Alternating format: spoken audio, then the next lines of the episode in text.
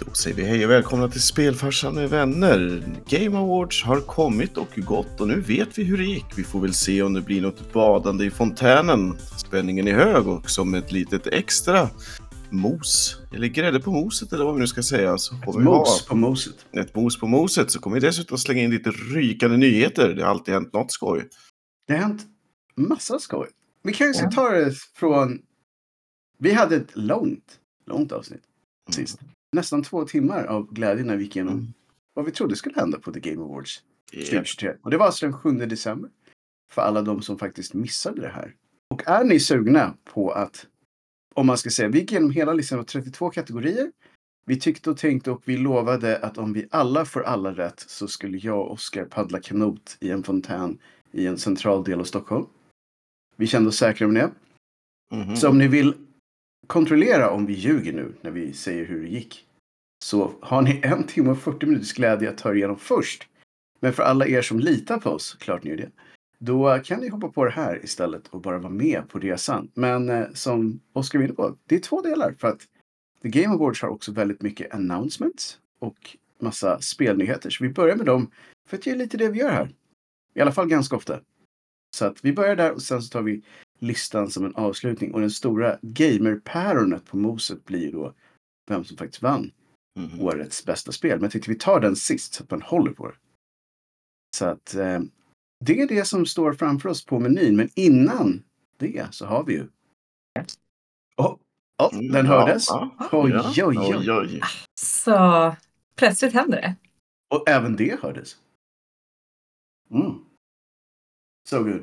Eller ja, so good eventuellt. So, so good eventuellt. Nu ska vi se vilken kamera jag använder. Den. oh, helt röd burk. Ja. Sierra Nevada. Det står celebration här med din klisterlapp i vägen. Celebration. Celebration, exakt. För Linda dricker nu spanskt. Genomgående mexikanskt. ja, precis. Men vad ska det vara för smak? Det är ja, Fresh Hop IPA så att jag hoppas att den är so frisk fresh. och fräsch. It's very fresh. Den är väldigt mörk. Ja. Det ser man faktiskt. Så bärnstensfärgad. Ja, verkligen. Däremot ser jag att Oskar rockar julmust som aldrig förr. Oh ja, jag har en bra stash. Ja. Och det är andra, andra advent när vi spelar in det här. Mm. Det är det. Och. Nobeldagen. Och det är också. Jag har en hel glasburk med nybakade pepparkakor sedan igår. Oh. Så du kommer hetsäta under? Ja. Jag kommer höra hur liksom krasar i micken. Så jag tänkte vi skulle kunna ha någon sån här skojig tävling. Hur många pepparkakor har jag ätit under det här programmet? Och hur många borde du ha ätit? Ja, precis. Som kontrollfråga. Han åt alla, men han borde nog bara ätit cirka tio. Mm. För nu hör man bara missbelåtna grymtande nu från det hörnet. Ligger i så här försvarsställning på golvet och bara aj, aj, aj. Det gick så där. Det gick sådär. Men det känns ändå väldigt, väldigt i tiden som man säger. Mm. Mm. Själv så kör jag det som ett visst företag från USA skulle vilja hävda är julbrygden nummer ett. Och det är ju Cola. Mm. mm. Fast med en touch av glädje från de sydligare trakterna. Ja. det behövs. Mm. I de här tiderna. Det behövs. Det gör ju det. Ja. Men eh, vi kanske ska börja med en disclaimer då. The Game Awards. En del inte så nöjda. En del är inte så nöjda. En del har nästan fått det låta som att Jeff Keely har mördat deras favoritåsna, grävt ner den, grävt upp den igen och mördat den en gång till. Mm. För att eh, folk är väldigt upprörda över hur, hur corpo det här har blivit. So corpo. Som so om E3 inte var corpo. Liksom. Exakt, precis det jag känner. Va, vad hade man förväntat sig egentligen? Och att de gör reklam för saker. Ja, det är hans egen show som han har skapat från ingenting och han måste få in pengar på något sätt. Så han låter folk annonsera sina spel där. Eh, mm, vilket ser, känns ändå som att det ligger i vårt intresse också. Ja. Lite grann. Jag ser faktiskt inga problem med hans format överhuvudtaget. Den enda grejen som jag riktigt, riktigt, riktigt stör mig på. Eh, det var en lång show, ska man kanske säga. Fyra timmar var det. Och en av de grejer som jag tyckte de skulle lagt lite tid på, som de faktiskt inte lade tid på, var att när folk har vunnit saker och gick upp på scen, så hade de typ, och nu överdriver jag inte, kanske en och en halv minut på sig innan ett gäng stråkar började spela som typ så här, kan du bara gå nu? Q. Yeah. Det var, det var Yeah. alldeles för kort. Folk kan typ knappt säga någonting. Det var så här, and you're off. Mm. Och så bara vinkade de av dem från scenen. Och sen så började de med så dubstep. Så det var uppenbarligen bara en cue för att få folk att dra. För att det var inte ens en låt som fortsatte. Det var så här stråkar och sen är de av och så var det så bara tss, tss, tss, efteråt. Mm. Den eh, kändes lite sådär, speciellt när det var rätt stora priser. Så, så här, jag skulle vilja tacka alla. And we're out. Ja. Men det där är ju ett problem. Det kan ju vara både ett problem och en... För någonstans så måste man ju begränsa det men samtidigt så kan man, väl, kan man inte göra det on the fly. Liksom, så när man tycker att känner måste- att... Det måste vara en person som startar det där, typ vinka något eller säger något i Jeff Keelys öra så han kan säga and we're done. Allt det här kommer ifrån att Christopher Judge förra året, alltså rösten bakom Kratos, Ja. höll ett tal som var så långt att folk fick be honom att gå. Bara, kan du bara... Och det var när han hade hållit på i tio minuter och enligt honom själv var han inte ens klar med talet då egentligen. No. Men enligt honom själv var det 7 minuter och 59 sekunder. Ja, Medan alla andra var rätt säkra på att det var minst tio minuter. Det skulle Ehm, varit kul att höra vad slutklämmen på det där talet var. Liksom. Han, han tänkte ju först läsa klart det som ett meme.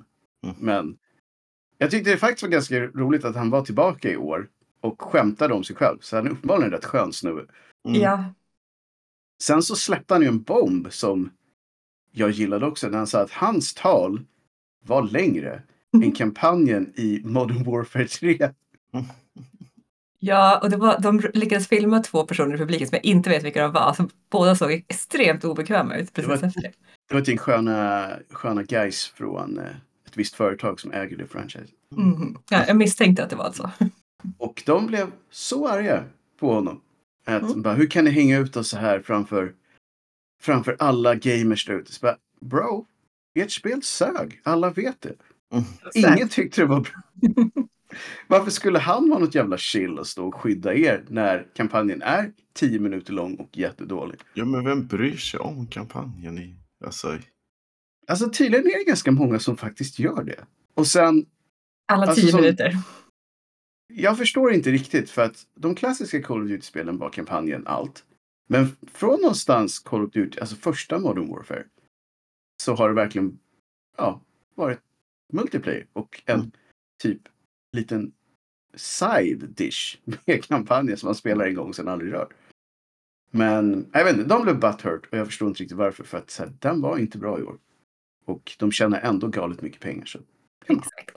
Så det var väl egentligen de stora disclaimersarna på, på det här. Jag hoppas att de filar lite på det där med tacktalet nästa år. Annars är jag, annars är jag ganska nöjd. Mm. De hade också tonat ner förväntningarna. och Så här, det kommer inte bli så mycket World Premiers. Men det blev det. Det blev väldigt mycket World Premiers. Så jag tror det var bra att säga att det kommer inte bli något. Och när det då blev rätt många så var det så här. Oh yeah. jag väntar på när de ska World Release. Det hade varit rätt nice. Bara, det är släppt nu. Ja, precis. Det var några som faktiskt Det var ju några. Ja. Ja. Det är alltid Men vi, vi ska väl... Vi kan ju säga så här, det var många saker. Jag har på den listan som vi har plockat upp för det här så har jag Mm. tagit ett gäng av. Det finns fler. Så som vanligt uppmuntrar vi er att söka upp en complete list på nätet. Men vi tog guldkornen som vanligt. Vi kan väl börja med en av dem som var... Jag vet inte riktigt varför folk tror att det skulle heta... Men ett nytt Monster Hunter-spel är på gång. Det kommer komma ut 2025 och det heter Monster Hunter Wilds. Folk trodde att det skulle heta Monster Hunter World 2 och folk var väldigt besvikna över att det inte hette det och väldigt nöjda över allt de såg. Konst... Det var som att de behövde hitta någonting som de Men kunde... då är det så här, "What?" Vi gillade namnet. Wilds. Ja, typiskt. Jag kan tänka så här, vem bryr sig om spelet är riktigt bra? Så är ju spelet fortfarande riktigt bra. I... Verkligen. Det som känns lite nice är att eh, det har hunnit gå en hårdvarugeneration så att jag tror att det här spelet kommer se riktigt, riktigt snyggt ut. Ja. Så när jag Mm. och min lilla katt, vad de nu heter, de konstiga hjälp... Miau. Ja, Men Meowser 2 Mm. är ute och slår dinosaurier i huvudet med en pinne så kommer Mm. det se bra ut. Yes. Det kommer det nog göra. Det. Det, det är ett sånt husdjur man vill ha ju. Det är exakt ett sånt husdjur man vill ha. Och det är även de som lagar all mat i campet. De brukar stå och, och köra ganska hårt i något kök där. Så att det är bra. Bra dudes. Kan vi säga så här om vi hoppar vidare att vi har ju ett typ av bromance mellan Jeff Keely och Hideo Kojima. Han är alltid med underligt mycket i alla hans shower. Mhm. Som vi alla vet med Hideo Kojima så har han inte alltid så jävla mycket att visa egentligen. Han är mest där och är konstig. Och eh, exakt så det var den här gången också. Att segmentet med Hideo Kojima var lätt så här 10 minuter långt. Det var Och, väldigt långt eh, och vi fick inte veta någonting egentligen. Mer än namnet. Vi vet nu att hans nya spel heter Odd. OD. Ja. Det, Finns det inte Och det verkar vara typ ett... Eh, det var en massa personer som läste saker som lät väldigt ofarliga. Men ju mer de läste det, desto mer obehagligt lät som de hade det när de läste det. Eh, ja, exakt. Den här sista killen. Och ögonen på de här människorna såg inte helt normala ut heller. Nej, men verkligen. Men, eh, men ja, det lät ju ganska... Det skulle ju vara någon form av så här immersive... Bla, han ville inte riktigt svara på vilket typ av spel det var, Nej. kändes det som. Eh, Men så jag- han kanske inte vet. Jag tänker så här. bör- Börjar det bli för mycket nu? Alltså, som fans av hans tidigare spel, mer eller mindre. Men har han typ blivit så hypad nu att han typ lever på hype? Han är ju bara blivit en konstinstallation, det är ju det. Ja, men, eller hur? Lite så är det. Han typ försvårar för sitt eget bästa nu, Mm. eller vad har hänt liksom? Precis. Det var bättre förr när han skåsade ut sina stackars medarbetare och fick dem att Ja. ja, gråta på vägen hem och allt vad han höll på med. Ja, som sagt, jag, speciellt efter så här hela Death Stranding-grejen som... Det var väl ett bra spel? Men goddammit, det fanns mycket filler i det spelet. Ja, verkligen. För den, det började ju likadant. Liksom. Det var ju så här ganska cool första presentation och så fick man veta mer och mer. Och så kom spelet och så kom andra spelet och så var det liksom inte Sen var riktigt... man en brevbärare alldeles för mycket i det. Mhm. Ja, det var inte... En Men jag har, jag har ju högre förhoppningar på det här spelet. Av Ja, bara det lilla, lilla vi såg. Och jag tyckte väldigt mycket om ljuden. Alla de här... Ljuden var bra. Ja. Och hans Visst. entré var ju ganska snygg. Det måste Det man var ändå. Det, det var coolt, men som sagt, innehållet var egentligen bara, nu har vi ett namn. Ehm, Exakt, så verkligen så. Och tre skådisar. Vi får se. Jag lovar att nästa Jeff Keel show han tillbaka med 10 minuter igen. Så som han brukar vara. Ja. Så att, Den här gången fick han ju i alla fall sällskap av Jordan Peele, vilket ju var lite kul. ja, otippat. Ja. otippat. Men varför inte liksom? Det, Ja. det är kanske så. Hypen blir ju om något ännu större. Ja, verkligen. Så eh, någonting som vi ska säga, gratis DLC till God of War Ragnarok. Någon slags eh, challenge mode. Och eh, ja, allt som är gratis är ju nice. Så att alla som har spelat det är bara att ladda ner när det kommer. Eh, sen så var det liksom little weird. Jag vet, hypen var faktiskt väldigt stor. Men jag kände också, you know, Casey tar det som ja, men alla minns det här spelet som inte gick så bra, Redfall, från Mm. från Arcane. Fast det var Arcane Leon då. Men det är fortfarande Arcane. Nu, så här när året nästan är över, så antar jag att det är ett av de sämsta spelen som kom ut under året. Mm. Och den första plumpen egentligen på Game Pass-radarn över spel, studios de äger, eh, där spelen har kommit ut och varit eh, inte så bra helt enkelt. Så pass dåligt att de skulle börja kolla lite mer noga vad folk håller på med var ju egentligen den stora grejen som kom ut. av De det här. kanske skulle kunna ta anställa gänget från Kong. Vi kanske skulle göra det spelet snäppet bättre. För att liksom verkligen bara, okej, ni var ännu sämre. Det är typ Redfall, Kong och Gollum som är typ trion av skräp från 2023 känns som. Ja. Så om man slår ihop alla dem, vad får man då? Vill man ens veta? Kong. Oj, det blir alltså Avengers fast... Precis. Det är ju så att man, Gollum rider på Kong och slåss mot vampyrer. Och det låter helt fantastiskt ju. Ja, det är lättast Det, det, kan, det kanske inte är en dålig idé, exakt. Alla de tre spelen tillsammans blir ett bättre spel än Mm. alla de spelen för sig. Ja. Så kan det. Ja, det är mycket möjligt. Men i alla fall nu eh, så, så bara för att absolut vara på väg med det här, så kommer alltså Arcane, Proper Arcane, Mhm. eh, göra Marvels Blade. som mer vampyr-action helt enkelt. Mm. Mm. Och jag vet inte. Wesley Snipes är ju såklart inte inblandad. Så alla de som tänker så här, oh, oh, Mm. nej, Nej. Nej, Wesley är inte med. What? inte så coolt. Men det kändes så som att det var Arcane Leon, för det var ju... Det var ju väldigt franskt.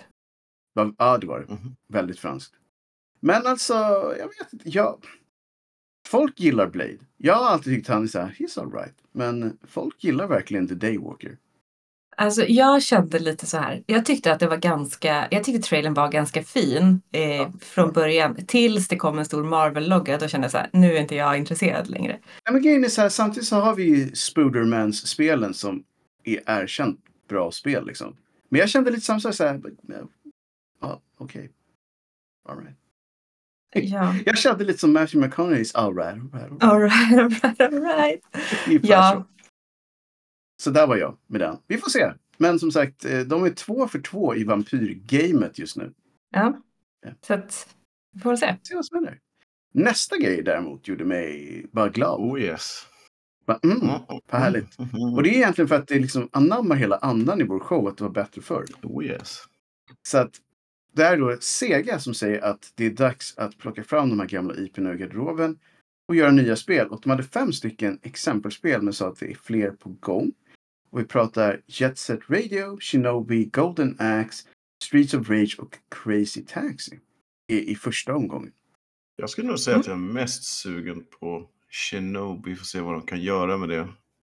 Jag, jag har faktiskt aldrig kört Jet Set Radio som många blev väldigt Det glada är över. kul, men det är... Ja. Men vad var det för typ av spel? Jet Set Radio är lite grann som Tony Hawk. Okej. Fast på rullskridskor. Mm. Ish. Jag är den där tjejen med rosa hår som Typ så. på omslaget. Ja. Okej. Det låter det är- ju spännande. Fast det är lite... Crazy Taxi var kul Ja. minns jag. Fast det är lite mer, det är nästan ännu mer arkadigt med en och du går inte ut lika mycket på att du åker pipe och sådär utan det är ju mer som en progression av banor och missions liksom om man säger så. Så att, ja, jag vet inte varför. Som sagt, de visar egentligen ingenting mer än att så här, it's happening. Och I'm all for it. Yeah. Det är, Ja. Mm. De har ju många bra IPs som de inte använt speciellt mycket på ett tag. Så att, det är bara att hoppas att de gör det på ett bra sätt också så att det inte blir så här shameless cash-ins. För då blir man lite ledsen. Ja, Jo, sånt är alltid tråkigt. om man inte äger stället. Ja, äh, gud ja. Ja. Då är det jättekul. Då är det Då är det- fruktansvärt roligt. Mm. Börja snida på mitt andra guldplan omedelbart. jo, ungefär så. Mm. Sega har ändå haft ganska bra eh, spel senare år, höll Oh ja. säga. Ja, Så att, eh, hoppas att de rider på den här uh, vågen på ett värdigt sätt och inte ett magplask de har ju till och med lyckats släppa ett Sonic som inte var skräp så att det är ju... Precis. Och det Och- känns, ju ändå, det känns ändå som grund. Det Ja. borde de kunna göra utan att det är... Men jag är så nöjd över att det inte, att det inte bara är ännu ett Sonic-spel som är på gång från dem. också. Det känns bra. Mm. Ja. Minns ni eh, när eh, en viss person som driver Hello Games hade lovat lite saker på en gameshow för ett gäng år sedan. Med ett spel som hette No Man's Sky. Ja. Och, det gick, och det gick inte så bra. Mhm. ja, Han var tillbaka nu. han var ju här igen. Han var- han lovade ännu mer saker den här gången. Det lovade han verkligen. Han lovade massor av saker i tio, minst tio år framåt. Minst Mm. tio år. Mm. Och det var ju då, det har gått tio år sedan, sedan det här hände. Så att han, vi pratar alltså No Man's Sky och Hello Games. Och eh, han sa lite så här, ja, jag vet ju hur det gick förra gången. Och sen så lovade han gigantiskt mycket saker. Så här. Open World med alla dina homies, du kan bygga städer, du kan flyga på drakar. Det, det var väldigt, det var typ ett nytt universum Det är lite så här. med dina vänner. Du lärde dig alltså ingenting från förra gången du gjorde den här grejen. Nej men grejen är så här. Man kan tolka på två sätt. En del var så här, oh no. nu gjorde han det igen. Men No Man's Sky har på de där tio åren växt till ett enormt bra spel som har sålt galet bra. Och skillnaden mot förra gången var att nu är det inte en liten struggling industri längre. Nu är det ett företag som har tjänat väldigt mycket pengar och vet hur spelet fungerar. Så jag tänkte jag ger dem benefit of the doubt Mm. på, på engelska. Så att ni, okej. Jag hoppas att ni vet att ni gjorde det igen nu. Så nu måste ni, nu måste ni fan med leverera. För jag vill rida på min drake där utan att det, någonting går fel. Jo, man, hop- Eller hur? Och helst inte vänta tio år. nej, man hoppas ju inte att det var typ två produktägare som gick harakiri bakom scen liksom. Nej, jag hoppas, hoppas att, eh, att, det, att det går bra. Jag undrar bara lite, om man kan rida på en drake, inte hela spelet om man åker runt så här planet hopping. Jo, på en drake. Kan man nu alltså flyga ut i rymden med en drake? Oh, yes. Bara Space Dragon. Mm. Ja, De- draken en sån där stor glaskula runt huvudet då? Nej, nej, de är, bara, de, är, de, är så, här- de är så badass. De bara gör det. Mm. Ah, Det är nice. det är sant. Det är de andas i, eld, så eh, varför skulle de inte kunna andas ingenting? Det är som i Godzilla. Där, där den här st- stora draken kom från yttre rymden. Mm. Ja, just det. Just det. Det finns förklaringar till Oh, allt. ja. Det kanske är samma drake. Ja, det kan det vara. Det är där han bor när han inte är i Japan och trampar på folk. Ah. Han gör bara det ibland på somrarna. Mm. Ja, det är hans sommarnöje. Sommar. Semester. Krafsa lite Ibland- stad. Ibland behöver man trampa lite på Tokyo, sen åker man hem. Exakt. Så att, nej, vi får se. Jag hoppas att de eh, vet vad de håller på med den här gången. Det är kanske det man ska sy ihop den med. Andra korta nyheter. Final Fantasy 16 har ett DLC på gång som såg bra ut. Det verkade vara mer av samma. Så gillade man Final Fantasy 16 så antar jag att man gillar det här. Jo. Inte mycket mer att säga där. Ehm, Team Ninja har Ronin på gång för PS5. Och nu vet vi att det kommer komma ut med under 2024. Jag tror att det var det som var strategin där. Och för alla er som undrar vad Ronin är så är det typ Nio fast med samurai-tema. Så kladdigt och antagligen ganska svårt. Och väldigt mycket Japan. Ja. Såg bra ut. Eh, till skillnad från spel som kommer efter som inte ser bra ut. Skull and Bones, februari 16, 2024, säger de den här gången. Låt oss komma ihåg att de har pressat tillbaka det här tre gånger redan. Fyra gånger. Ja. Det här känns också som ett spel som redan finns. Alltså Ubisoft borde lagt ner det här spelet innan de ens började med Ja. det. Eh, ungefär så. Enda skälet tror jag att de måste släppa det är att de har hållit på med det här i tio år. Och det Ja. kostat så mycket pengar så att de måste släppa någonting. De behöver åtminstone få in lite cashback på det här. Ja, men my God. Ja, det är ungefär det jag har att säga om det. De hade ju den här Open Beta här för några månader sedan och överväldigande majoritet tyckte det såg ut som skräp. Mm. Ah, Gud vad jobbigt det måste vara att jobba med ett sånt spel. Och de här devsen som satt och eh, körde den här livestreamen, de, de var inte så nöjda med responsen. För folk var bara så här, är det här det ni har gjort i fem år? Skäms. Jag bara, vet du hur svårt det var att koda det här? Exakt. Det är inte så lätt som det ser ut. Försök göra det bättre själv då. Ja, jag har gjort det och det, det blev bättre. Damn it. Jag hade tio år på mig så jag han lära mig att koda, skaffa ett indie-team och gjorde ett bättre spel. Så. Ja. Eh, Jag tycker synd om de som jobbar med det här projektet. Det kan inte vara kul att jobba på typ spelvärldens Titanic. Men Mm. eh, Och jobbigt Ja. att veta att det är Titanic också innan. den har på något sätt redan Innan gått isberget. tre gånger redan. Och de Ja. bara, det är som att de spolar tillbaka den scenen och ser om den lite då och då. Ja. Och så får Man får och känna den man får ner- härliga känslan av hur det känns Ja, att sjunka. Bara att man får uppleva den en gång till. Liksom. Nej. Ja. Vi säger så här, åtminstone är det snart över så kan de gå vidare och göra andra saker i sitt liv. Förhoppningsvis. Förhoppningsvis om de inte får sparken. Vi har faktiskt en... Eh, jag visste faktiskt inte om att den här studion hette det här. Men Don't Nod i ett namn. Mhm. Eh, nej, jag har aldrig ens tänkt på vad den här studion heter. Men, de har ett nytt spel på gång som heter Lost Records Bloom and Rage. Mm. Och folk tänker så här, vilka är det här? Det är de som har gjort Life is Strange-spelen. Mhm. Och det såg man ju direkt när man såg eh, Det såg man på en gång. Och jag tänkte så här, all right. Eller jag tänkte egentligen all right, right, right såklart. För det är alltid det man gör. Men eh, jag tänkte säga det här är ett, ännu ett sånt här, eh, det börjar med teen drama fast det blir konstigt. Någonting övernaturligt. Och det såg det verkligen ut som att det var. Men sen gjorde de, var det 13 år senare eller 15 år senare? Ja, eller kanske till och med mer. Bara, varför tar ni upp det här? Och då kändes det lite så här mysigt som ett mysterium. Då blev det Som bra. skulle... Då, ja, då exakt. kände jag så här, nu har ni mig. För jag tänkte så här, Life is Strange körde jag. De var Ja. bra. Men jag vill inte köra ett nytt Life is Strange. Speciellt som de gjorde typ fler Life is Strange Mm. sen. Så att nu är de så här, ah, där fick ni mig att tro något. Och sen så var det inte så. Så att, jag vet inte. Det kändes Jag- som att det skulle kunna vara rätt nice. Jag var lite De hade lovat att de inte skulle göra någonting. Och sen 20 år senare så var det så här, Varför? Ja, Mm. och det, verk... och det handlade om något band på något sätt. Någonting, ja. ja. Något gammalt Jag tänkte kanske lite så här, lite horror helt plötsligt.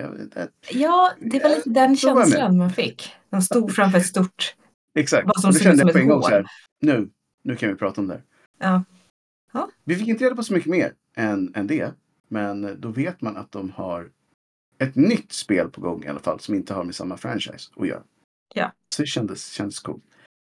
Vi eh, hade en grej som jag tyckte var rätt cool. Och det var nästa spel. Som är från Ori Devsen. Mhm. Moon Studios. Och de har ett nytt spel, men kanske det coolaste namnet på länge. No Rest for the Wicked heter deras nya spel. Och Det är alltså ett ARPG i isometrisk vy.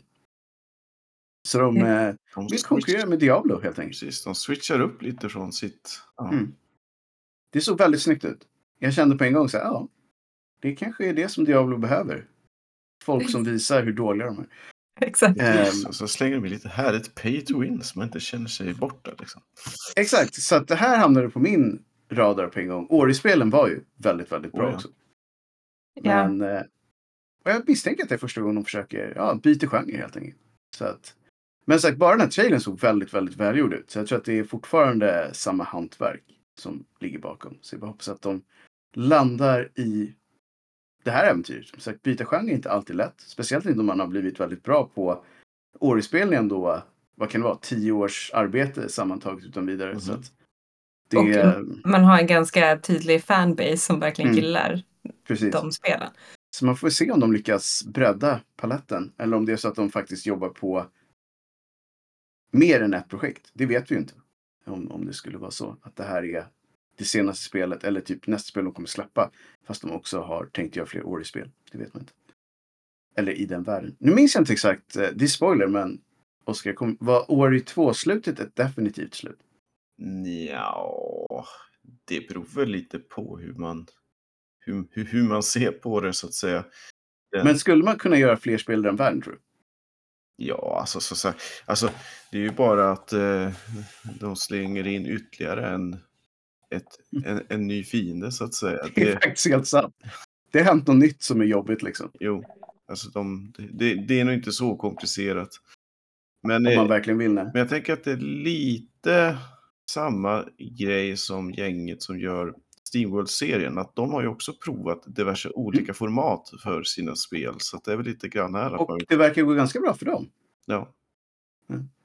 Vet du, Mojiken, eller vad heter de?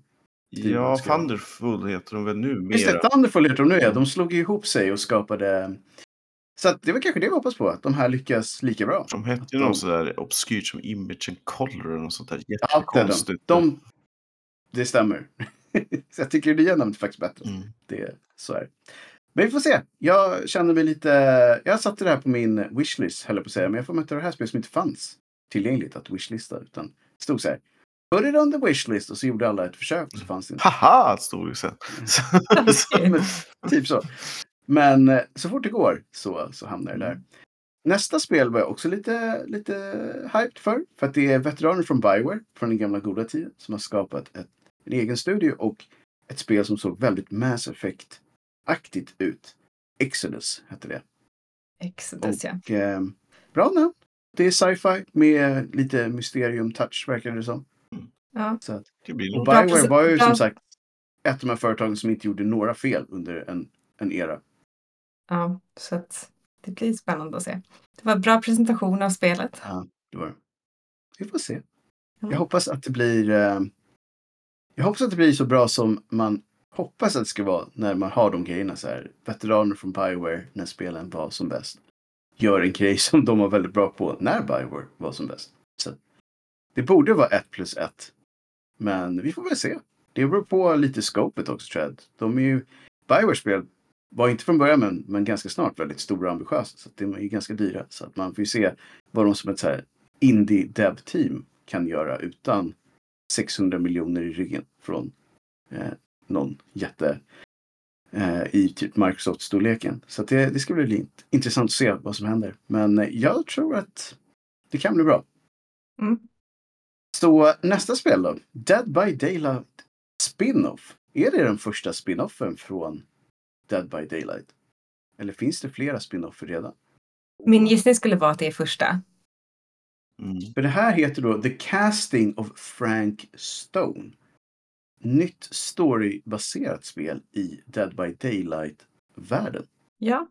Mm. Och eh, det, jag tyckte att det kändes lite mysigt, det här spelet. Var det inte nästan utan typ en burk på huvudet? Jo. Jag tyckte det kändes väldigt så här.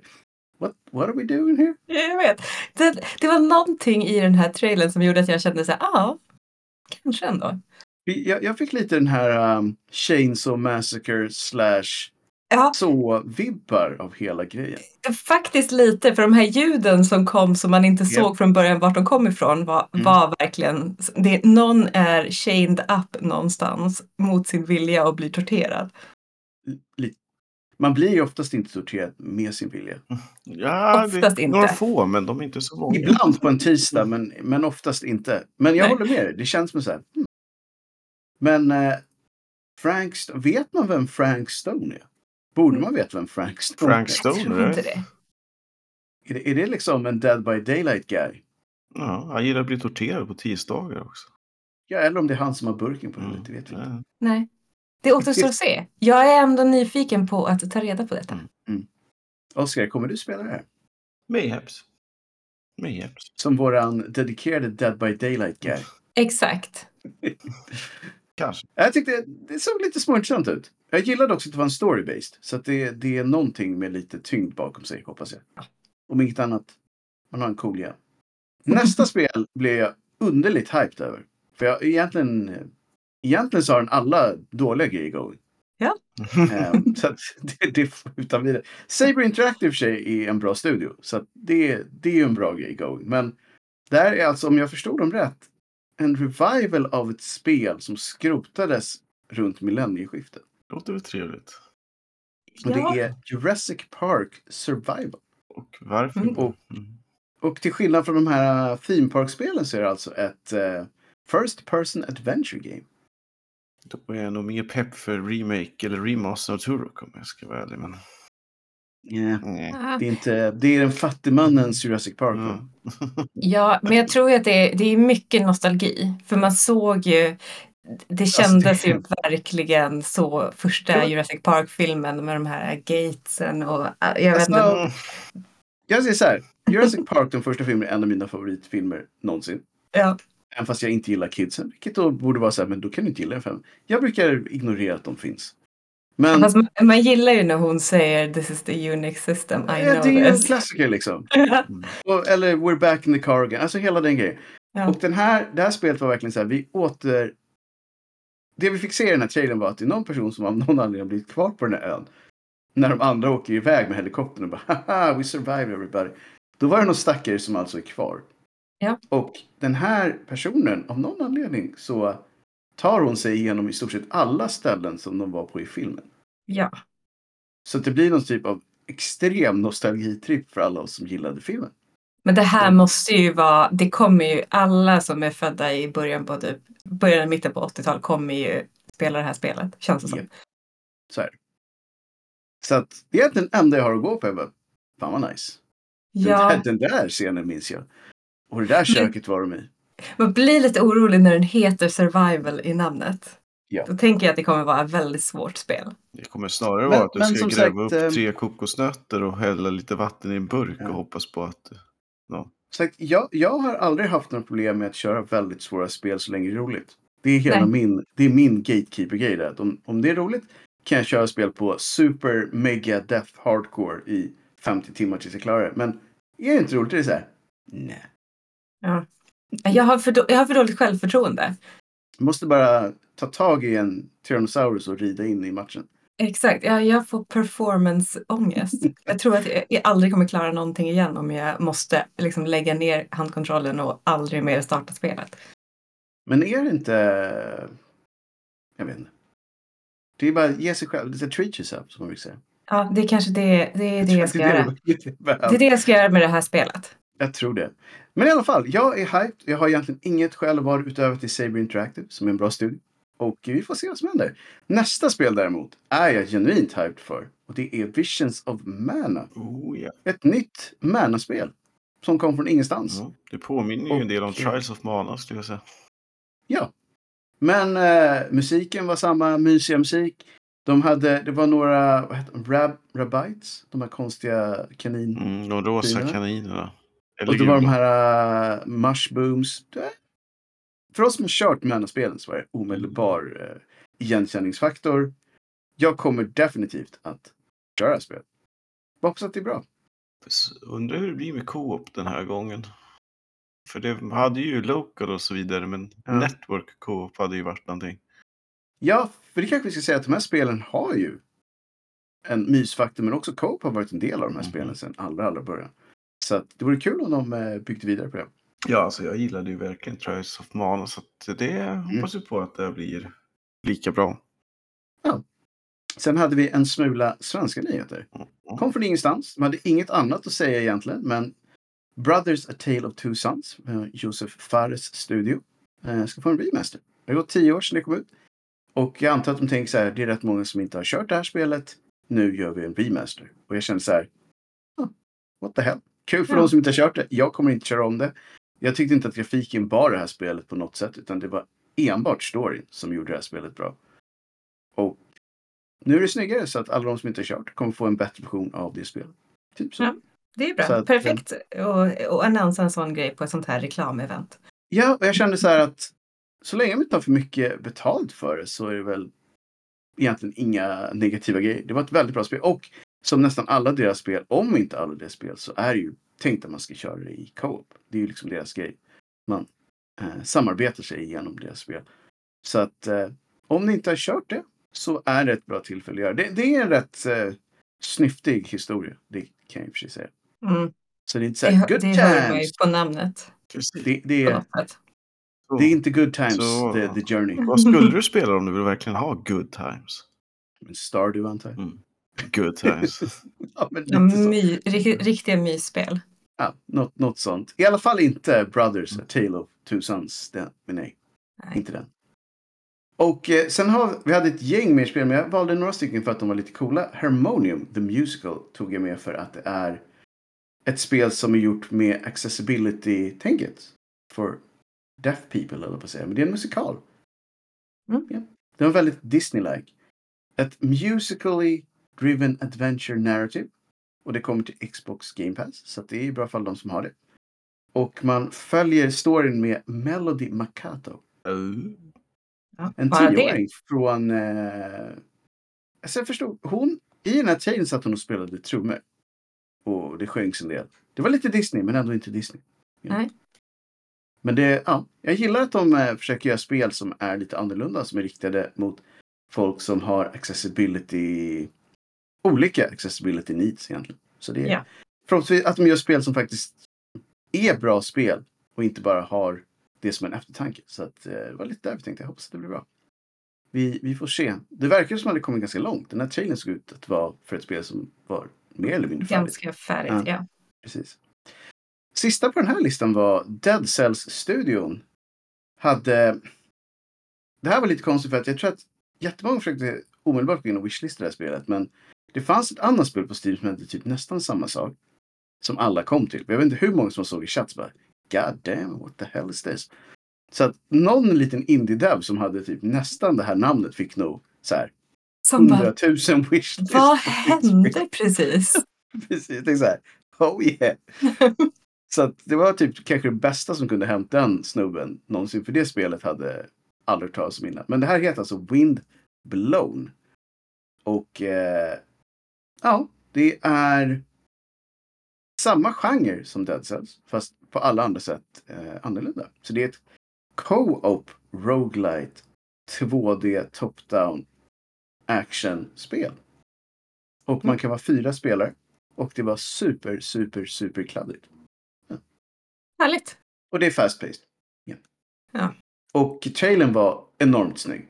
Det började med att det sitter typ tre eller fyra små rätt söta karaktärer och får någon lektion av någon sensei. Sen två sekunder senare anfaller de sin första fiende och tre blir klyvda på mitten. Det. Och eh, sen så sen sekunder senare så har de blivit återupplivade och så försöker de igen. Okej, ja. det Det är... enda som, som jag känner är intressant är att kommer det vara ett sånt här spel där man får game over när den sista dör? Eller måste alla leva hela tiden? För då kommer det vara svårt. Då kommer det vara väldigt Ja, svårt. precis. Det är frågan om hur... Mm. För, att, för att det, jag tror att det, annars så såg det väldigt roligt ut. De hade lite Hades eh, perspektiv på actionen. Och eh, Hades var ju väldigt, väldigt roligt. Men också väldigt svårt. Så jag tänkte antingen så har de också gjort Hades svårt eller så har de gjort det att de bara snott hela den visuella grejen av Hades. Vi får se. Mm. Vi får se. Det var de spelen som jag hade med på nyhetssegmentet. Ja. Om det inte var något som ni ville peta in så är vi klara med, med del 1 i våran 1 Ja, det plus 1. känns ju som en ganska så omfångsrik lista ändå. Liksom. Ja, så för att vara en show där de inte skulle annonsa någonting så var det ett och annat spel som annonsades. Skulle man kunna säga. Ganska mycket faktiskt. Det skulle kunna varit en show bara det här. Mhm. Ja, det, det, den hade ju sig på i fyra timmar så det blev rätt mycket content. vi har i alla fall listan och som sagt, vi håller på Game of the Year till sista grejen. Så jag tänkte att man börjar bakifrån och går igenom de grejerna som vi inte bryr oss om väldigt snabbt. Vad, vad tror ni om det? Ja, det kan vi göra. Eh, så att vi hade ju då Best E-sports Event. Och där trodde ju vi att det skulle vara The International som skulle ta hem det här. Mhm. Men det blev League of Legends World Championship Ja. som vann den. Det var inte Oh. helt oväntat kanske. Nej, jag får mig att vi sa att det är antingen den eller den. Mm. Säg ju ett, ett halvt rätt på den. E-sportscoachen hade vi inte så mycket att säga, men det var Christine Potter som vann den för Evil Genius i Valorant. Bästa e-sportslaget. Där trodde vi att de franska guldgrabbarna skulle ta hem det, men det blev JD Gaming i League of Legends som plockade hem det. Jag har Mm. alldeles för dålig koll på att veta hur bra de är eller har varit, men Ja, det är inte. SK Telecom, men ändå. De är... Nej, precis. Sen hade vi Best E-sports Athlete och där fick Lee Faker Sang-hyuk. Och jag fan vet vad det jag sa, fast mest för att han hade ett coolt namn. Ja. Ehm, så Det är att, det är ett bra namn. Ja. Starkt. och det var bara det jag gick på. Vad hände med Olof Meister? Liksom? Olof Meister var inte ens med på listan, Mm. men goddammit om han inte får ett pluspoäng ändå. Ja. Så att, eh, och sen hade vi Best E-sports Game. Och jag för mig att jag sa att jag tror att det kommer bli Valorant som tar det här. Och det var Valorant som Mm. tog den här. Från Riot Games. Och sen så hade vi Content Creator of the Year där jag sa att jag röstar på Iron Mouse för det är den enda jag vet vilken det är. Det var Iron Mouse som vann det här. Tydligen är det en sån här, äh, vad heter det, avatar-streamer. Så hon hade spelat in en liten film där hon tackade alla sina fans. Ja. Mm. Och hon var exakt det som man skulle tro om ni inte vet vem det är. Så väldigt japansk anime-karaktär. Ja. Med cute, cutesy voice och hela den grejen.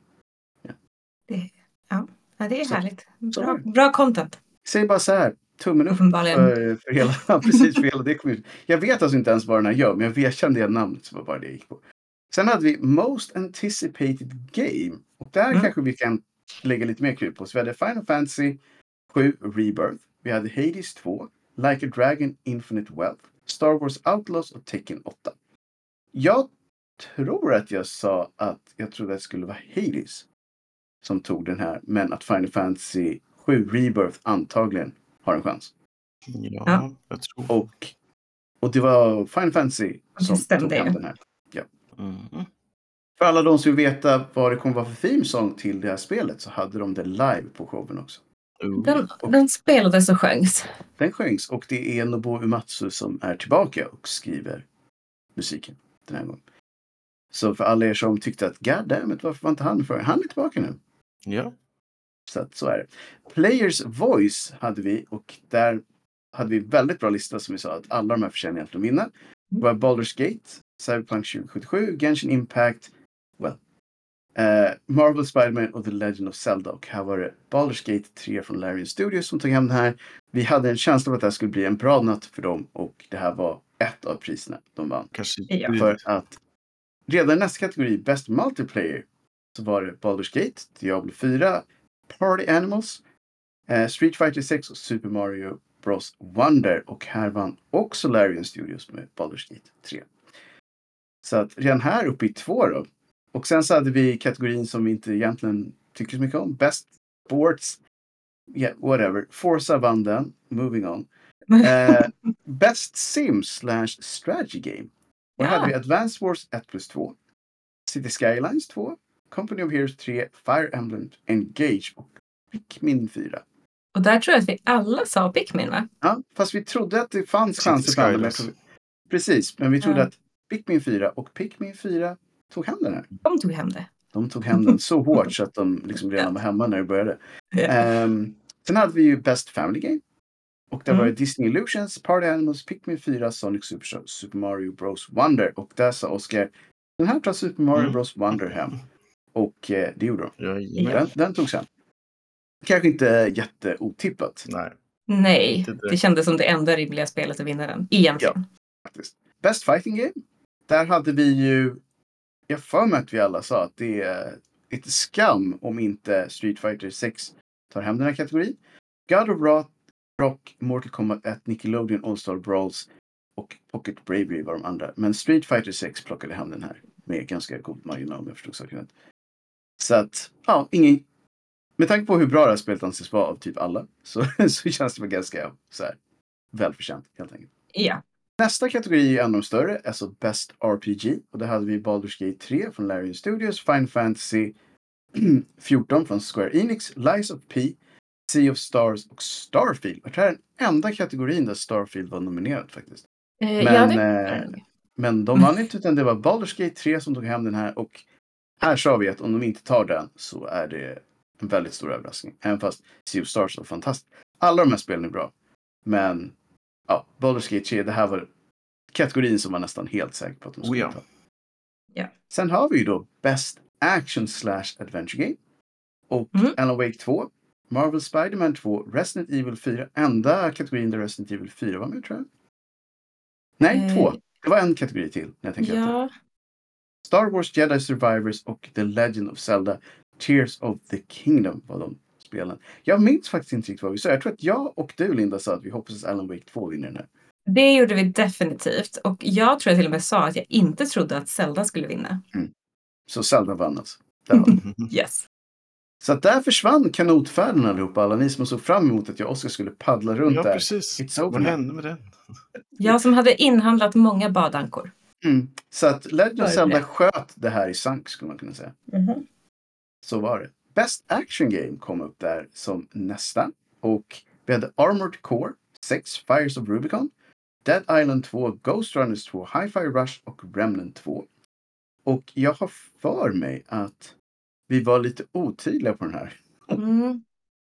Jag minns faktiskt inte exakt vad vi sa. Jag, ska jag visste att jag sa att jag tyckte att Dead Island 2 var ett väldigt roligt spel som jag bara hade kört för action. Så jag tror att jag sa Dead Island 2. Ja. Och jag kommer inte ihåg, men jag har för mig att jag kanske höll med. Och jag har för mig att vi sa att Armored Core 6 hade ansetts vara väldigt bra action men väldigt svårt. Men det, det verkar folk inte ha sett som ett minus för det var de som vann. Best De gillar det svåra. De är lite Precis. modigare än vad jag är. De tror på sig själva mer än vad jag gör. Ja, eller de skiter fullständigt i vad du tror för att det är du som spelar spelet. De har bara gjort. Han bara, det kanske är hur svårt som helst men you know what? That's your problem now. Exakt. Men de nerfade första bossen så de hade lite mercy i sig själva när folk började klaga. Så Just det. Ja. Sen var vi över till den här kategorin som vi inte hade så mycket att säga personligen, men bäst VR AR. Och det var Gran Turismo 7, Humanity, Horizon, Call of the Mountain, Resident Evil Village och Synapse. Och vi sa, "Ah, jag antar att Resident Evil vinner den här för att, you know, det är det Ja. största spelet här. Och det gjorde de. Ja, och det tyckte jag var helt rätt. Ja, alltså det känns ju ganska Mm, rimligt om det är ens i närheten av liksom vad sjuan var. Mm. Nästa kategori säger jag bara, det var Best Mobile Game. Och det spel som jag sa, jag vet att de här vinner det, men god damn it, jag gillar inte. Det var exakt det som det är. Honkai Star Rail från Hoyoverse tog Yes. hem den. Sen hade vi då en rätt intressant, var Best Debut Indie Game. Ja. Och här tyckte vi ju att, jag för mig att vi tyckte Dredge var, var nice. Men det var Cocoon, Dredge, Pizza Tower, Venba och Viewfinder. Från Sad Owl. ja, exakt. Jag tror att vi sa kanske att Viewfinder möjligen skulle kunna ha en chans. Ja. Jag för mig att du i och för sig sa att du tyckte Cocoon var häftigt. Jag tyckte Cocoon var fint. Och, Och, eh, extra fint då, med tanke på att de vann. Jag hade ju, ja, någonting, det låg någonting i det. You had a little something going som man säger. Ja. Så att eh, nästa spel, Best Independent Game. Och där var det Cocoon igen. Dave the Diver, Dredge, Sea of Stars och Viewfinder. Och eh, här sa vi att eh, det är en bra lista. Dave the Diver tror jag vi sa att det vore nice. Jag tror att vi var ganska eniga på den. Men jag, men jag tror också så att oavsett vilka som vinner det här så är det ett välförtjänt liksom, gäng. Eh, Ja. Sea of Stars plockade i alla fall hem Best Independent Game. Vilket ju var välmotiverat. Ja, jag tyckte som sagt att det är... I'm cool with it, som man säger. Hoppa vidare då. Best Community Support. Och där tänkte vi att det är communityt som själva företaget har som har spelet och inte community som de råkar ha. Och då tittar vi på Bethesda som ju har kanske ett av de bästa communityna som finns, men det är inte deras eget community. Det har bara uppstått kring deras spel. Så att här hade vi Baldur's Gate 3, Cyberpunk, Destiny 2, Final Fantasy och No Man's Sky. Och Baldur's Gate 3 plockade hem den här också. Jag vet inte riktigt varför. Jag tror att det bara är hype. För jag vet inte riktigt vad det här communityt består av. Om jag ska ärlig. Jag tycker det, det är väldigt svårt när folk röstar själva på det här. För de röstar ju på det communityt de antagligen är med i. Ja. Jag kollade faktiskt upp reglerna. Det är inte så att det enbart är röstarna som avgör. Utan det finns, precis som i många, så har de en egen panel också som tycker Ja, nå- någon liten jury. Det är bara players voice som är... Mm. Ja, men det är i alla fall... Så att det Det, känns bra.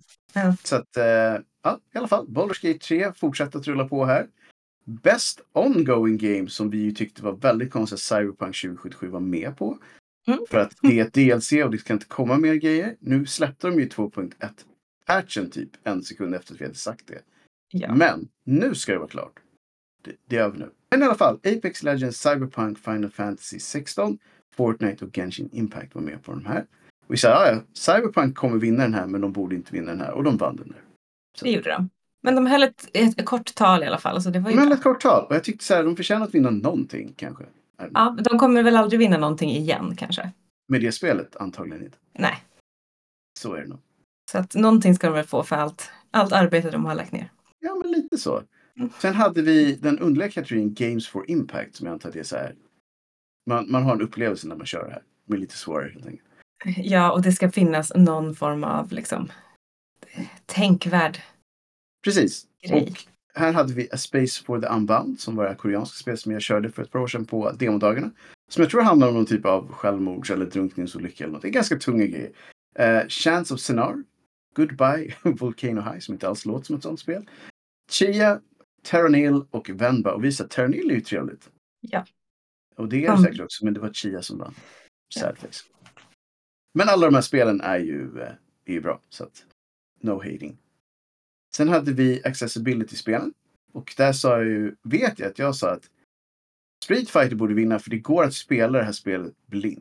Mm. Men Forza sa jag också, var ju ändå först där för de hade Breadcrumbs i sitt första spel för typ 15 år sedan. Och det var de som vann. Mm. Och det är väl säkert fine. Det är säkert fine. Faktiskt, det, det är säkert fine. Sen har vi ju då Best Performance. Det här var ju intressant för att här har vi ju då många bra personer som har gjort insatser i spel. Och Ben Starr från Final Fantasy 16. Cameron Monahan från Star Wars Jedi Survivor som Cal Kestis. Idris Elba, Cyberpunk 2077, Phantom Liberty. Melanie Liebert från Alan Wake 2. Neil Newbon från Baldur's Gate 3. Och Yuri Lowenthal från Marvels Spider-Man 2. Och alla de här gjorde väldigt bra insatser i sina spel. Däremot så vet jag inte om ni eh, såg det, men den enda duden som alltså inte hade dykt upp var Idris Elba. Exakt, och då kände jag så här, för jag, trodde, jag tror att jag gissade på att han skulle vinna. Mm. Och jag, jag kände när jag såg det, att det Mm. bara var så här en vit bakgrund och Ja. en bild på honom. Då kände jag så här, hoppas att han inte vinner. Jag kände också så här, Smug Dude dök inte ens upp på, på själva showen. Ja. Nej. Så kände jag så här, jag hoppas att inte han Det vinner. var lite fegt alltså. Ja, men lite. Och Jag kan tycka också, bara för att han är så här big Hollywood guy, så tänkte jag så här, men jag orkar inte dyka upp. Ja. Eh, I alla fall, det kanske inte alls var så, men det var den viben jag fick på en gång. För alla andra var där, men han var inte där. Så att, det kändes väldigt bra tycker jag att det var en annan person som vann, nämligen Neil Newbon från Baldur's Gate 3. Så att som sagt, ännu ett pris som trillade ner hos Sven, som hade sin plate armor på sig. Ja, det, Det var Och han hade den på sig som en del av en pledge. För han sa att om någon dyker upp i en björndräkt, vilket ju var på den här spoofen att man kunde ha sex med en björn Mm. i Baldur's Gate 3. Om någon dyker upp som en björn så dyker jag upp i plate armor. Mm. Och visst fan var det någon som dök upp som en björn. ja. Och då fick han stå sitt kast. Ja. Då var det bara att dra på sig full plate armor och gå och rassla iväg till showen. Men nej, jag tror inte han led så mycket. Han gillar ju att bli, dyka upp i den där. Han gör ju det. Men Oskar, vad hade du sagt om du satt där i full pingvinsuit och bredvid sitter en björn? Jag hade ju sagt att gillar du också lunchbuffén? Bra svar. Jag tror du skulle säga, får det vara lite honung? Mm, nej, det, det kan jag också. det funkar också. Eh, vi går vidare. Best audio design. Och här var vi ju lite så här, det är inte musik utan det är audio. Så att typ ambience. Och då hade vi Alan Wake 2, Dead Space, Hi-Fi Rush, Marvel, Spider-Man 2 och Resident Evil 4. Och jag får mig att jag sa Dead Space har ju bara typ ambience. Mm. då. Hade det? Och vi sa att Hi-Fi Rush känns ju lite konstigt för det är ett musikspel. Exakt, det är inte den typen av... Ja. Nej. De Så hör inte hemma i de den kategorin. Ja, de. den Ja. kategorin. För Så you know, Ja. Folk tänkte så här, audio, de har musik, det är bra audio, de vinner det här. Ja, exakt. Men då har man ju röstat på... Alltså, ja. Nej, jag vet Här säger jag bara så här. Det är ett bra spel, men goddammit om det inte känns lite weird. Eh, Lite Ja, weird. little weird. Så att, för nästa kategori var ju då Best Score and Music. Ja. Och då hade vi Alan Wake 2, Baldur's Gate 3, Final Fantasy 16 och då var det composer Masayoshi Soken och Hi-Fi Rush och The Legend of Zelda. Och eh, ja, alla de här är ju bra. Inget snack om saken. Jag tror att jag sa, jag hoppas Alan Wake 2 vinner för att de har väldigt bra musik. Ja, eh, ja, exakt. Även fast Men jag inte visste det så Om Hi-Fi. Rush vinner vore också nice för det är ett musikspel. Vi sa, om Exakt, det är någon där hade den passat vinna- in. Exakt. Nu känner jag kanske inte att det är så synd om dem. För att de fick, de fick ett annat pris. Men de Exakt. fick inte det här priset utan det gick till Final Fantasy. Och jag har faktiskt träffat den här snubben. Han verkar vara en rätt skön snubbe. Ja, så väl han värd att vinna. Han hängde mycket på kasinos. Ja. Ja. Enligt sig själv alltså. Att han, han var inte mycket för att jobba på dagen utan han brukade hänga på kasinon och sen kom han in och jobbade på natten. Men det, det funkar ju uppenbarligen. Ja, men det är ju Om- kanske inte så hälsosamt, men det funkar uppenbarligen. Uppenbarligen kan det ändå leverera bra musik. Mm. Så att, Ja, ja. det, varför inte liksom? Men det är alla de här väldigt bra musik. Kanske jag ska säga. Så det var en svår, svår kategori. ja. Vi eh, har då även nästa eh, liksom, kategori som också är svår. Best Art Direction. Så Alan Wake 2, Hi-Fi Rush, Lies of P, Super Mario Bros Wonder och The Legend of Zelda. Det är solida upplevelser allihopa. Men här vet jag att jag sa jag hoppas att Alan Wake 2 vinner. Japp. Och här vann de. Alan Wake 2 vann. Best Art Direction. Så att Sam Lake och grabbarna upp på scen ännu en gång. Och jag säger ännu en gång, för det här var inte det andra priset de vann heller. Det var en, en eh, bra kväll för våra vänner från Finland. Det var det definitivt. Så att där plockade de hem, och det är en av de tyngre, Best Art Direction är en av de som anses vara lite, ja de- det finns typ en tio stycken på den här listan som är lite tyngre än de andra. Det här är en av dem. Nästa är också väldigt tung, Best Narrative. Då hade vi Alan Wake 2, Baldur's Gate 3, Cyberpunk 2077 med Phantom Liberty då. Final Fantasy 16 och Marvel Spider-Man 2. Och jag vet att vi sa Marvel Spider-Man 2, hmm, that's weird. Ja. För att det är bara mer Spider-Man. Det är kanske lite elakt för att det är väl säkert ett bra spel. Men Alltså säkert. Men med facit i hand så vann de ju ingenting. Så att, eh, nej. så att, det var inte bara vi som hade lite funderingar. Men eh, Alan Wake 2 plockade hem den. Yeah. Best Narrative. Eller, det gjorde de Precis så. och det var härligt. Och hans tacktal var ändå så här, ja det var bra narrativ och det var bra musik. Så han fick ändå Ja. in musik. Alltså Sam Lake, skön snubbe. Så Och det blir alltid lite skumt för han är ju då facet på ehm, Max Payne i spelen. Ja. Och han är med i Alan Wake 2. Mm. Men han är Ja. också chef för Remedies. Det är väldigt konstigt. Han, är, han måste verkligen älska den här spelvärlden. Och är uppenbarligen en ganska bra skådis också. Och dansare. Weird. dansare. Han var med i, Ja, han- i musiknumret i showen. Mhm. Han dansade. Och eh, återskapade scenen från spelet, Dark Herald. Mm. Eh, han såg i och för sig väldigt mycket gladare ut än vad Max Payne brukar. Han ser alltid lite butter ut. Han ser oftast lite så här, fan vad livet såg. Eh, och det tyckte jag inte det såg ut som. Sam Lake hade ganska kul. Time for bullet time. Det. Exakt så. Så att, eh, nej, Best Narrative Alan Wake 2. Best Adaptation. Och det var ju då saker som har blivit, gått från spel och blivit andra saker. Då var det Castlevania, Gran Turismo, The Last of Us, The Super Mario Bros Movie och Twisted Metal. Och vi sa The Last of Us kommer vinna den här 100 av 100 gånger och de vann den här. Det gjorde han. Hundra gånger alltså. Ja. Alltså det, de andra är säkert bra men let's face it, The Last of Us var lite av ett fenomen när det kom. Alla såg det. Ja. Så att, ja, men faktiskt. Lite Den, eh, besviken att eh, Pedro Pascal inte var där och tog emot priset. han borde varit där. Jag tycker det också. better. Ja. Pedro, kom igen nu. För fan, släpps här. Det Men, ty, men till eh, sitt försvar då så var de väl uppe i Kanada och spelade in andra säsongen. Ty, tydligen var han där och spelade in mer, men Ja. even så. Spela in en videohälsning. Kom igen. Eller hur? Men ja, den gick i alla fall till The Last of Us. Best Game Direction, också en av de här tunga. Alan Wake 2, Baldur's Gate 3, Marvel Spider-Man 2, Super Mario Bros och The Legend of Zelda. Det är samma spel som är med på några av de andra tunga listorna också. Mhm. Och Best Game Direction, jag tror att vi igen sa att antingen så blir det Alan Wake 2 eller Baldur's Gate 3. Har för mig att vi sa. Ja, Mm. Och eh, Alan Wake 2 tog hem den här. Mm, Så Best Game. Direction tog de också hem. Som sagt, de hade en bra kväll. Och då har vi ju då den sista, den stora, den tyngsta. Game of the year. Och där hade vi då Alan Wake 2, Baldur's Gate 3, Marvel Spider-Man 2. Resident Evil 4 var faktiskt med på den här listan.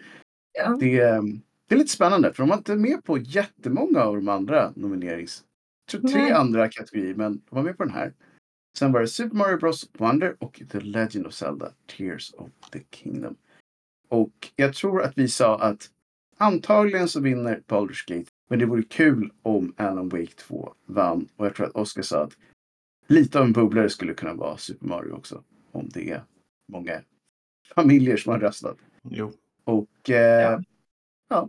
Baldur's Gate 3 tog hem den här. Larian Studios med Sven Winke fick smyga upp på scenen. Många priser. Och han smög inte så mycket heller för han- det Han- lät ganska mycket. Det Han lät. smög inte jättemycket. Han hade också någon, någon grej med att han slog den där statyetten mot... Mot, mot sig själv. ja, Ja. det, det klonkade ganska mycket. Det gjorde det. Men eh, ja, vad ska man säga? Det är välförtjänt. Kan jag tycka. Det här, det här var ett spel som fick folk som brukar spela Call of Duty och fightingspel. Det var till och med så att de pratade om det, förstår jag i så här pensionärspoddar, att säga, jo, idag måste vi nämna att vi alla försöker dejta en orch spel som tydligen heter Baldur's Gate 3. Det är mm. kulturellt fenomen. Jag tycker det är som säger, det är lite intressant ändå att det fått sån spridning. För det är ju ett, ändå ett ganska nischat rollspel egentligen. Det är ett, det, jag tror att det är otroligt välgjort på ett sätt som folk, I don't know, reagerade på. För det är fortfarande ett... Bara det faktum att det är ett rollspel borde göra att det borde inte nå ut så här långt. Men jag tänker ändå att det stod ju väldigt mycket mellan Alan Wake 2 och Baldur's Gate 3 Mm. med tanke på priserna de hade vunnit tidigare. Eh, och jag, jag tänker mig att Alan Wake är ännu mer nischat på något sätt. Mm. Ja, det är det. Så kanske hela DD-rollspelssvängen fick sig en liten boost av bland annat Stranger Things och andra ställen Ja, där det har tror det. uppmärksammats. Ja. Nej, alltså jag, jag är rätt säker på att det här har... Eh, på något sätt alla grejer kom, kom ihop sig till någon så här fenomengrej. Folk började prata om det bra. Sven och grabbarna har gjort ett jättebra jobb med det här resan fram till releasen. De har haft bra shower, han är väldigt charmig, de har bjudit in communityt, de har testat eller låtit folk testa, de har lyssnat på vad alla sagt. De har fått lite, eh, Oskar om du kommer ihåg hela den här Stardew Valley-grejen, att de fick ett grymt community, typ sålde det här spelet. Ja, eller till och med köpte Utåt. det innan. Ja. Mm. Ja. Och det känns som det gånger tio. Alla pratade om det här spelet i åratal nästan. Och sen när det väl kom och det visade sig vara extremt obuggigt och bra, åtminstone de första två eh, kapitlen, så var det bara som att säga, perfekt spel. Alla liksom Mm. farhågor om att de inte skulle kunna leva upp till hypen, snarast tvärtom. Och sen också när det kom in devs så började säga att nu har ni förstört det för oss för ni har satt en alldeles för hög nivå på det här spelet så att nu kommer vi bli orättvist jämförda. Det hjälpte ju också till att bygga den här hypen. För då var det så här, shit varför, om andra reagerar på hur bra det här är, då måste det vara väldigt bra. Jo, Ja. men det är, ju- det är väl det lite folk hoppas på ska bara bli resan med Skyrim. Eller du menar, eh, vad heter det, deras nya? Mm, precis. Starfield heter det? Men, vi säger så här, vi sa, jag har inte hållit koll här i huvudet, men jag tror att vi hade fler rätt än fel med ganska stor marginal. Och eh, Ja, de stora priserna tror jag vi hade ännu högre träff på vilka det skulle vara. Och eh, Game of the Year som sagt, jag, jag har inga problem med att de tar hem det här. Det, är- det är ett skönt gäng. Absolut. Och jag, jag hoppas att de tar det här på rätt sätt och gör saker lika, alltså bättre känns det här ganska hårt. Men nu får du göra det bättre nästa gång. Men åtminstone lika bra framöver känns eh, fair enough. ja. Fast jag tycker ändå att det var lite orättvist att Alan Wake inte vann eftersom att de vann bäst eh, Ja, en del av de art spelen best narrative, best... Alltså jag tycker ändå att det tyder ju på att det borde vinna Game Det of the blir lite Year. lustigt när man har de här subkategorierna som tillsammans borde betyda att man vinner Game of the Year. Men jag Ja. antar att det kanske då finns ytterligare grejer som, som sagt hur många spelade de här spelen som väger in. Och jag tror Baldur's Gate 3 spelades av galet många fler än Alan Wake 2. Absolut, så är det. Tror jag. Men eh, ja, sen två stora vinnarna för kvällen var ju såklart Larian Studios och Remedy Entertainment. Eh, ingen snack om den saken. Och jag reagerade på att eh, Starfield inte vann ett enda pris. Ja. Överhuvudtaget. Inte det lite... Jag vet inte riktigt vilket pris som skulle ha vunnit. Men eh, I don't know. Det känns lite konstigt att så här, störst, det första nya spelet från Bethesda på 15 år inte vann någonting. När det ändå ansågs bra av typ de Men det var det att det inte var tillräckligt. Det var bra, men inte fantastiskt. Nej, Det precis, var- jag, tror, Det var ett svårt år att tävla. Mm. ja, jag tror att det är så här, exakt du säger, det var bra. Men det var bra. Ja. Det var liksom inte fantastiskt, det var bra. Och det, i år räckte inte bra hela vägen fram för att det fanns väldigt många bra spel under, 2023. Så att, ja, det är väl egentligen det vi kan säga. Nu har vi gått igenom lite vad som, eh, vad som presenterades som nya spel, World Premiers och även listan. Och eh, om ni vill ha, som sagt, det fanns väldigt mycket mer om ni ville få reda på vad som hände. där. Det var fyra timmars eh, gameglädje som sagt, det fanns mer. Men överlag, en bra show. Jag tyckte det faktiskt var, trots att det var långt, så jag hade aldrig tråkigt. Det enda som sagt, ge vinnarna lite mer tid. Eh, För en del kommer det här vara det största som har hänt i deras gamingkarriär och kanske aldrig mer får stå på en scen och ta emot sånt här pris. De kanske ger dem sina fem minuter av glädje innan de måste tassa, tassa av sig. Baldur's Ja, faktiskt. 4. nästan. Precis. Ja, det var faktiskt. Att, sen, eh, höj, en av höjdpunkterna var ju också eh, Alan Wake-numret i mitten där. Alan Wake-numret var fantastiskt bra. Och eh, all musik var faktiskt väldigt bra i, i den här showen. De hade eh, Alan Wakes Dark Herald med alla karaktärerna från spelet. Så det var skådespelarna på scen och röstskådespelarna vid sidan av. Och som sagt, vi hade chefen själv dansandes där. Och eh, Poets of the Fall eller ja, deras ingame-namn. Old, Old Gods, God Asgard. Asgard. Precis. Och de såg jag som en liten binotering hade nu sin senaste skiva hade slagit säljrekord omedelbart efter den här showen. För alla har nu eh, kollat upp vilka det här vilka de här dudesen är. Det är jätteroligt. Så att det är en ganska cool grej. Och sen så var det musik även från som sagt Final Fantasy 7 Rebirth. Och sen så var det också från Sinua, alltså Hellblade 2, Sinuas saga. Från Heilung som är ett väldigt speciellt band. Ja. Väldigt visuellt coola grejer. eh, om, man, om man gillar det de gillar.